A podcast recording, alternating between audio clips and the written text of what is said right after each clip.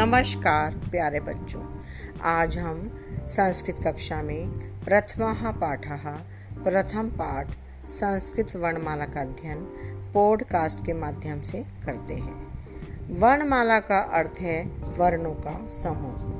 वर्ण भाषा की वह सबसे छोटी इकाई होती है, जिनके अन्य टुकड़े न किए जा सके। वर्णमाला को हमने दो भागों में बांटा है, स्वर एवं व्यंजन। संस्कृत वर्णमाला में तेरह स्वर होते हैं और तैतीस व्यंजन होते हैं। स्वर को तीन भागों में विभाजित किया गया है। पहला, ह्रस्व स्वर, अ ई उ, री, रि दूसरा, दीर्घ स्वर, आ ई उ, री। तीसरा, संयुक्त स्वर, ए, ऐ, ओ, औ। अब चलते हैं स्वर की, वर्णमाला की ओर। अ अश्वाह, घोड़ा। आ आपना दुकान। ई इत्रम, सुगंध।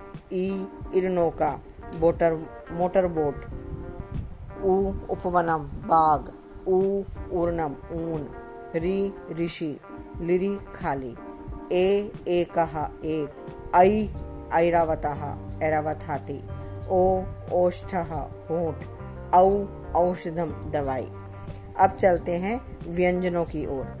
संस्कृत भाषा में व्यंजनों को भी तीन भागों में बांटा गया है। स्पर्श व्यंजन का से मातक, अंतस्थ व्यंजन, यारा लावा और उष्म व्यंजन श सह। कवर्गा क, ख, ग, घ ज्ञ चवर्गा, च, छ, ज, झ, या। टवर्गा ट, ठ, ड ढ ण तवर्गा त, थ, द, ध, न।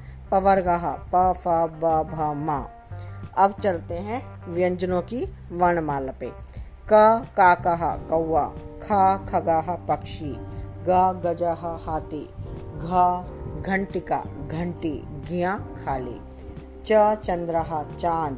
छ, छात्र, विद्यार्थी। ज, जालम, जाल। झ, झर, झरना। या खाली। ट, टोपिका, टोपी। ठ ठालिनी करघनी, ड डालिमः अनार, ढ ढौलः ढोल अण खाली, त तरुः पेड़, थ थह पहाड़, द दुग्धम दूध, ध ध्वजा झंडा, न नौका नौ नाव, प पुष्पम फूल, फ फलम फल, व वकः बगुला, भ भल्लुकः भालू।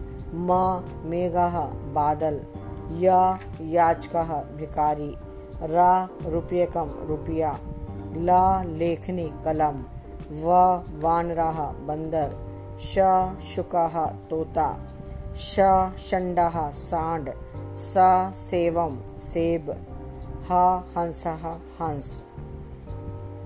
प्रत्येक व्यंजन स्वर रहित होता है, इसलिए उसके नीचे हलंत का चिन्ह लगा होता है। जब किसी व्यंजन में स्वर लगता है तो हलंत चिन्ह का लोप हो जाता है, अर्थात वह हट जाता है। अयोगवाह, जो वर्ण न स्वर होते हैं, न व्यंजन होते हैं, उन्हें अयोगवाह की श्रेणी में रखा जाता है।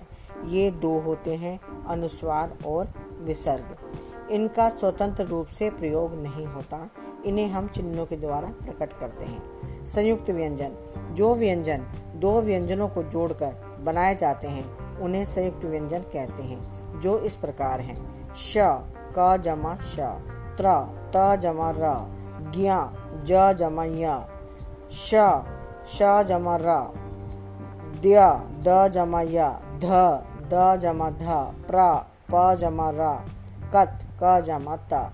ये सारे संयुक्त व्यंजन कहलाते हैं। तो बच्चों, आपको इस पाठ को ध्यान से सुनना है, समझने का प्रयास करना है और मौखिक रूप से आपको इसका अभ्यास भी करना है। धन्यवाद बच्चों।